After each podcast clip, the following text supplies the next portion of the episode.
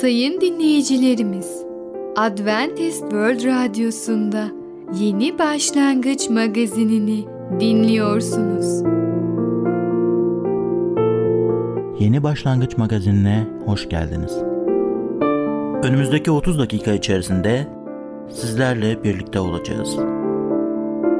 Bugünkü programımızda yer vereceğimiz konular ben merkezli, kanserden koruyan gıdalar, iletişim nedir?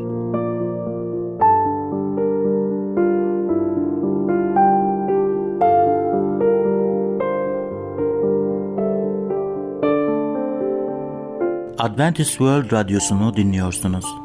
Sizi seven ve düşünen radyo kanalı. Sayın dinleyicilerimiz, bizlere ulaşmak isterseniz e-mail adresimiz radio.umutv.org radio.umutv.org Bizlere WhatsApp yoluyla da ulaşabilirsiniz. WhatsApp numaramız 00961 357 997 867 06 00961 357 997 867 06 Şimdiki konumuz ben merkezli. Egosuz yaşamak mümkün müdür? Merhaba değerli dinleyicimiz. Bereket Dağı'ndan Düşünceler adlı programa hoş geldiniz. Ben Tamer ve Ketrin.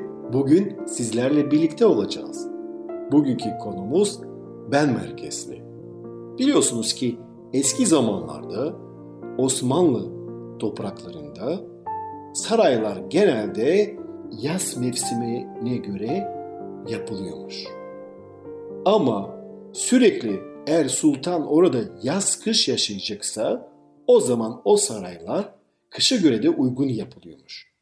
Ve bazen sultan hanımlarından birisiyle iyi ilişki içinde olmadığı zaman eşine, hanımına kızdığı zaman onu o yazlık saraylarına ceza olarak, sürgün olarak gönderiyormuş.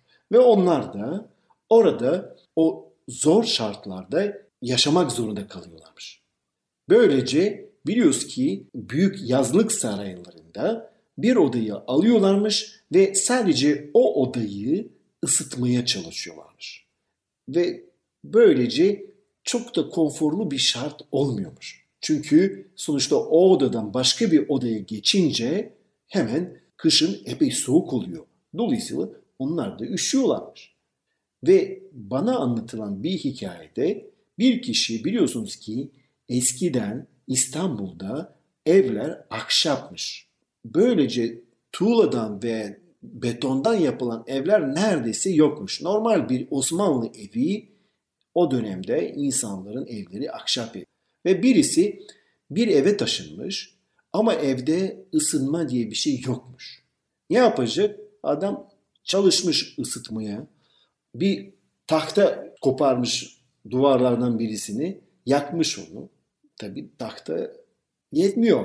2, 3, 4, 5 tahta derken ancak ısınmaya başlamış ama nereye kadar? Sonuçta evin tamamını mı yakacaksın? Olmaz. Duvarı yakarsın o zaman duvar da seni korumayacak. İyice soğukta kalacaksın. Sonunda adam çıkmış gitmiş yani demiş ben bu evde yaşayamam diye. Aynı şekilde biz de öyle davranmıyoruz. Aynı şekilde biz ben merkezli bir yapıyla yapıya sahibiz. Bir benliğe sahibiz. Ve biz de aynı şekilde kendi gücümüzden kendi benliğimizin problemini çözmeye çalışıyoruz. Ve maalesef başarılı olamıyoruz. Ne yapıyoruz? Tekrar günah işliyoruz. Bir sonraki gün gene kendi gücümüzden benliğin problemini çözmeye çalışsak da aynı o ısıtılamayacak evde nasıl ısıtılması mümkün değilse biz de kendi benliğinin problemini kendi gücümüzle çözemiyoruz. Zaten mümkünatı yok ve ne oluyor? Başarısız oluyoruz. Peki şu soru sormak istiyorum. Bu günah dolu dünyada yaşıyoruz. Okullarda, üniversitelerde, iş yerlerinde veya siyaset bu konularda insanlara yardımcı olmuyorlar mı? Okullar her toplum için çok önemlidir. Ama onlarda asıl önemli olan bilgidir. Okullarda sınavlar, testler vesaire öğrencilerin bilgisini ölçmek içindir. Bundan dolayı ahlaki konular okulların ana hedefi olmuyor. İş yerlerinde insanların kabiliyetleri önemlidir. İş yerinde ne yapıldığını ölçüyorlar. Siyasette aslında ahlak için çok konuşulur ama onu bulmak için çok zordur. Peki farklı bir alanda size sormak istiyorum. Devletin, polisin ve yargının imanlı topluluğunu yerine almaz mı? Onlar insanları günahtan koruyamazlar mı? Çok güzel bir soru sordunuz. Tabii ki onlar günahla mücadele ediyorlar. Yani bir yerde bir suç işleniyor. Devletin yasalarını mesela birisi çiğniyor. Eğer günah yasaları çiğneyip suç oluşturuyorsa bunu önlemek amacıyla veya cezasını vermek için onlar devreye giriyorlar. Polis olsun, yargı olsun. Toplumda işlenen suç eylemlerini azaltmak hedefleri olabilir ve bu çok ciddi bir hedeftir aslında. Ve ben bundan dolayı bu kurumlara saygı duyuyorum. Ama insan ruhunu iyileştirmek gibi hedefleri yoktur. Sadece suçu azaltmak ve cezalandırmak onlar için önemlidir. Demek ki Mesih öğrencilerinin tuzla benzetilip verilen görev çok önemli ve eşsizdir. Sadece Allah'a iman eden toplumda bu görev mevcuttur. Yani bize bu görev verilmiştir ve biz bu görevi yerine getirmek zorundayız. Biz o anlattığımız hikayede olduğu gibi kendi gücümüzle yapamayız. Bir saray kışın ısıtılmak için yapılmamışsa, ona göre bir tesisat kurulmamışsa siz o sarayı ısıtamazsınız. Sizin gücünüz yetmez. Aynı şekilde de bir akşam bir evi ısıtmaya çalışırsınız oradaki tahtaları söküp de yakıp da vesaire vesaire ancak evi yok edersiniz. Gene amacına ulaşamazsınız. Bunu biz kendi gücümüzle yapamayız. Asıl tuz görevini öğrenciler mi, Mesih'in öğretileri mi üstleniyor? Biz Allah'la yaşadığımız zaman, Allah'ın sözünü duyduğumuz zaman Allah'ın sözü bizim yüreğimizde o değişikliği önce kendimizde başlıyor ve o öğretiş bizi dünyada bir tuz oluşturuyor. Toplum içerisinde biz bulunduğumuz zaman İsa Mesih'in öğretilişlerini koruyarak onlara da bu haberle paylaşmış oluyoruz. Evet, demek ki biz sadece Yüce Allah'ın yardımıyla bu problemi çözebiliriz. Allah bize kelamını veriyor, kutsal yazıları veriyor ve biz bu kelamı okuyup hayatımızda uygularsak o zaman ışığın peşinde yürürsek, Tanrı'nın bize aydınlattığı yoldan yürürsek mutlu yarınlara ulaşabiliriz. Değerli dinleyicimiz, bugün ben merkezli hakkında konuştum. Bir sonraki programda tekrar görüşmek dileğiyle hoşçakalın. Programımızda az önce dinlediğimiz konu ben merkezli. Egosuz yaşamak mümkün müdür? Adventist World Radyosu'nu dinliyorsunuz. Sizi seven ve düşünen radyo kanalı. Sayın dinleyicilerimiz, bizlere ulaşmak isterseniz e-mail adresimiz radio.umutv.org radio.umutv.org Bizlere WhatsApp yoluyla da ulaşabilirsiniz. WhatsApp numaramız 00961 357 997 867 06 00961 357 997 867 06 Şimdiki konumuz kanserden koruyan gıdalar. Kanserden koruyan gıdalar nelerdir? Merhaba sayın dinleyicimiz. Ben Fidan. Yeni başlangıç programımıza hoş geldiniz. Bugün sizinle birlikte Kanserden Koruyan Gıdalar 2 adlı konuyu öğreneceğiz. Öyleyse başlayalım. Kanserden koruyan gıdalar 2. E vitamini E vitamini gençlik iksiri olarak da adlandırılır. Çünkü bedenimizdeki hücrelerin yaşlanmasını yavaşlatır ve aynı zamanda bizi yağ oksidasyonunun zararlı ürünlerinden korur.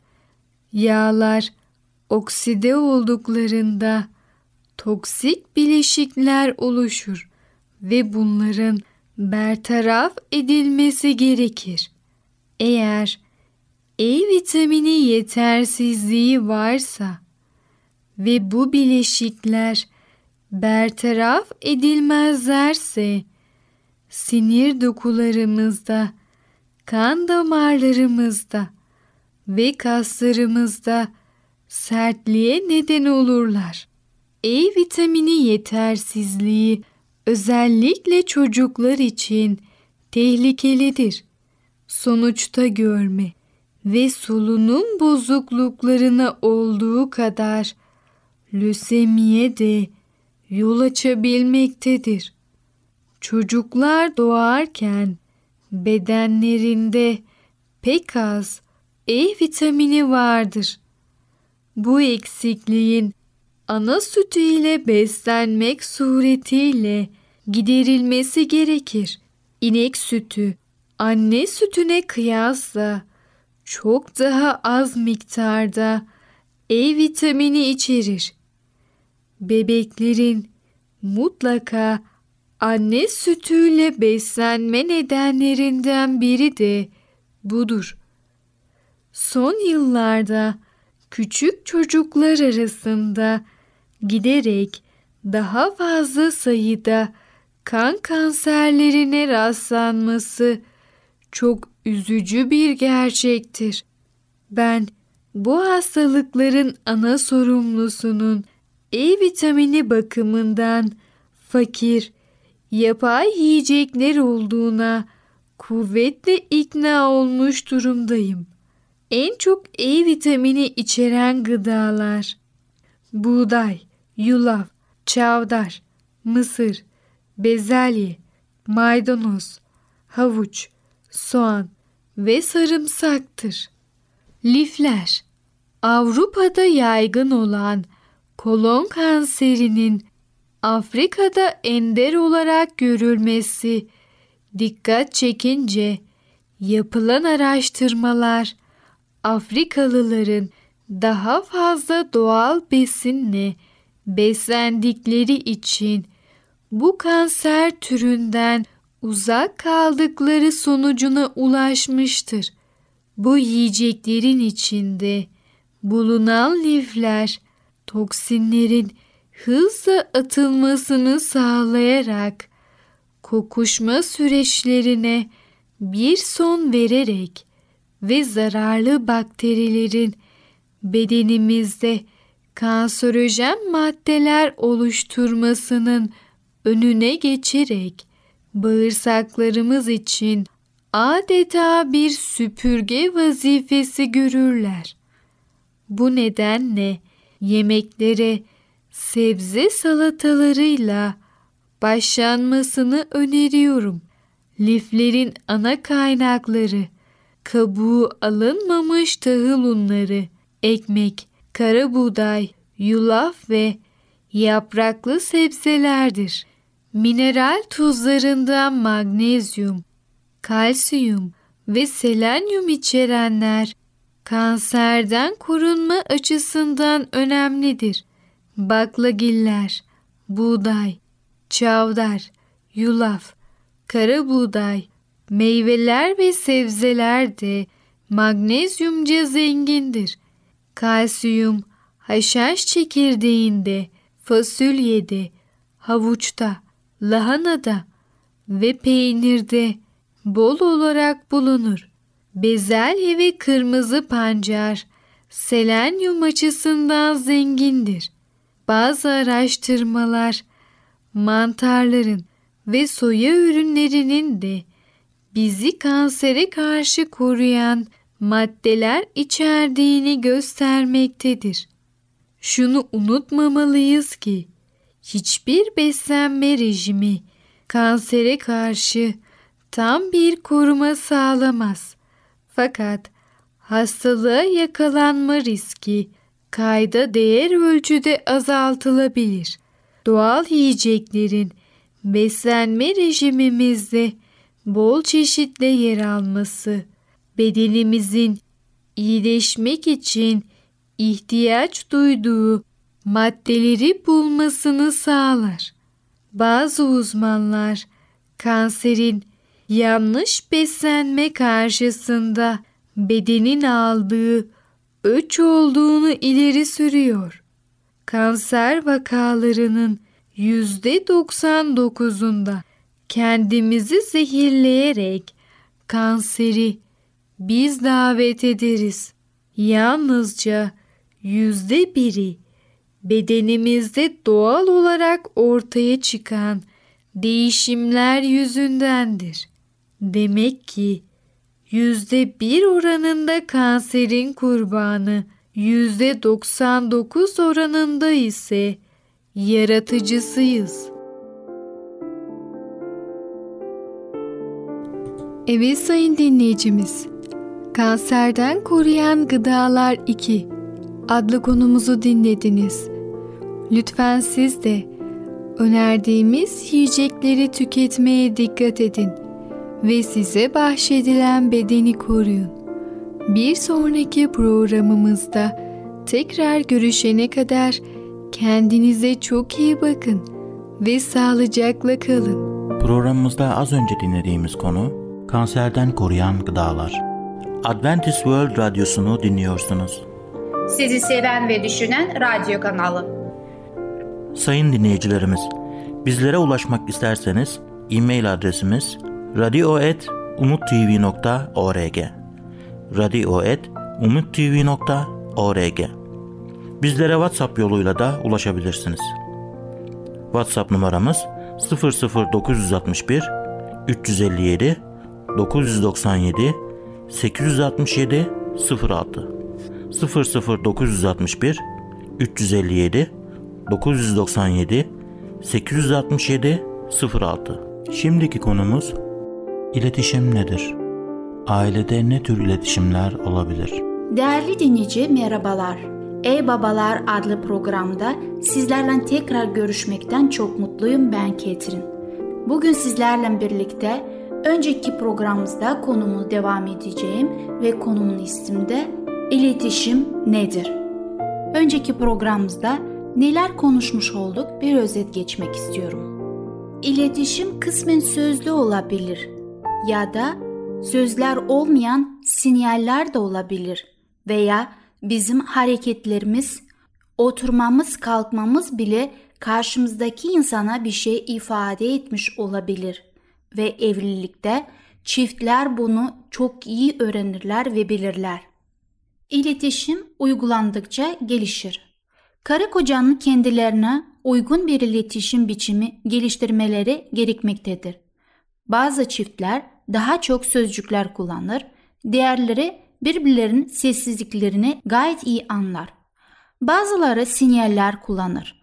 Diğerleri daha doğrudan yöntemler tercih eder ve küçük şeylere o kadar çok bağımlı olmaz. Önemli olan rahat olunması her iki tarafında değerini kendine anladığını hissetmesidir. Siz de kendi evinizde neyin işe yarayıp neyin yaramadığına dikkat edin. Son olarak iletişim ne söylediğimizden çok ne olduğumuzla ilgilidir. Bu programımızda dışsal hareketlerini cilalamak için okuyan bir baba olaya anlamamıştır. Değişimler ve düzelmeler içten gelmelidir. Büyük bir olasılıkla hepimiz durup sözlerimizin aslında ne kadar kuvvetli olduğunu düşünmediğimizden daha sonra pişman olduğumuz şeyleri söylemişizdir.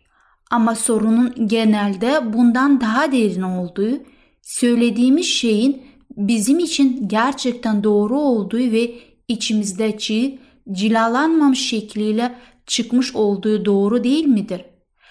Gerçek sorun söylediğim şeyler değil, hissettiklerimizi söylemiş olmamızdır. Bu da eğer doğru şeyleri iletmek istiyorsak içimizin derinliklerine her şeyin doğru olmasının ne kadar önemli olduğunu gösterir. Tam iletişim başkalarına karşı kendimiz olmaktır. En etkin şekilde iletişim kuran insanlar iyi iletişim kurmaya düşünmezler çünkü bunu yapmakla fazlasıyla meşguldürler. Kendileriyle iletişim kurdukları kişiler sadece bir cilayı değil, gerçek kişiyi gördüklerini hissederler. Birisi iletişimin en çok negatif ve zor taraflarından söz ettiğimiz gözlemlenmiş. Bunu neden büyük bir olasılıkla etkin bir iletişim olduğunda bunun hakkında düşüncemizdir. Tıpkı bir adanın ıssız gibi ona ancak rahatsız olduğumuzda dikkat ederiz ya da sağlığımız gibi kendimizi iyi hissetmeyene dek hiç durup da kendimizi iyi hissetmenin ne kadar güzel bir şey olduğunu düşünmeyiz. Ama hayatı dalgın bir şekilde yaşamak gerekmez. Eğer durup düşünürsek iyi iletişimin etkilerin tadını çıkarır ve daha fazlasını isteyebiliriz. Gerçek iletişim başkaların yüreklerimizi için görmelerine izin vermekte korkmamak demektir. İmajımızı korumaya çalışmak demektir. İnsanların bizi gerçekten tanırlarsa reddedeceklerinden korkmamak demektir. Söylediğimiz ya da yaptığımız bir şeyin daha sonra aleyhimize kullanacağından korkmamak demektir. Bu da kulağa riskli bir iş gibi geliyor.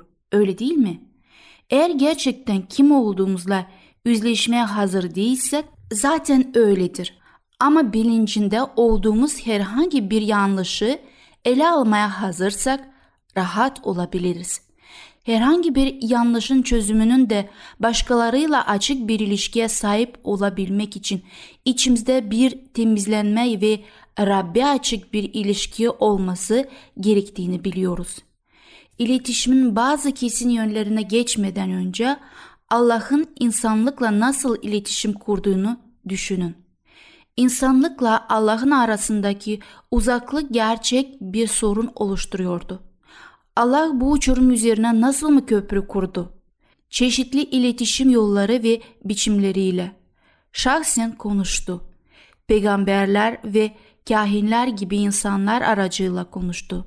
Son olarak kendisini insanlığa göstermek için Rab İsa Mesih kişiliğinden beden alıp insan oldu.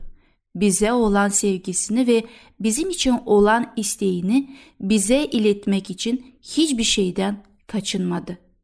Biz kocalar olarak iletişim için ne kadar çaba harcamamız gerektiğini konusunda Allah'tan bir şeyler öğrenebiliriz.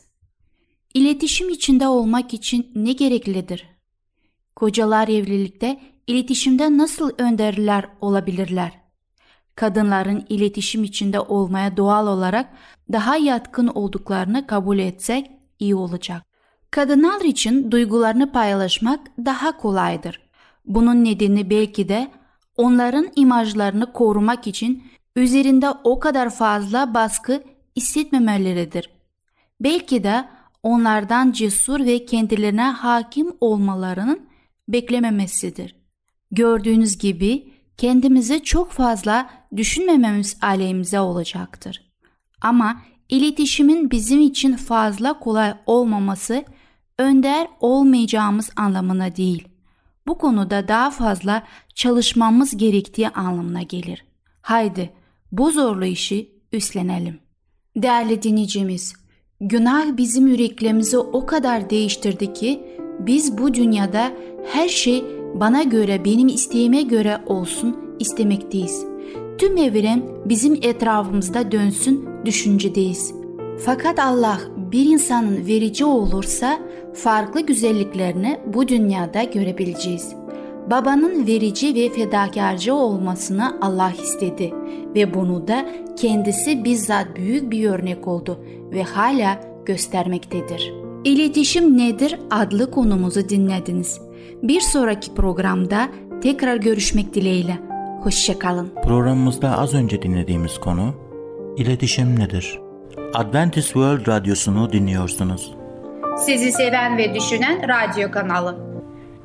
Sayın dinleyicilerimiz, bizlere ulaşmak isterseniz e-mail adresimiz radio.umutv.org radio.umutv.org Bizlere WhatsApp yoluyla da ulaşabilirsiniz.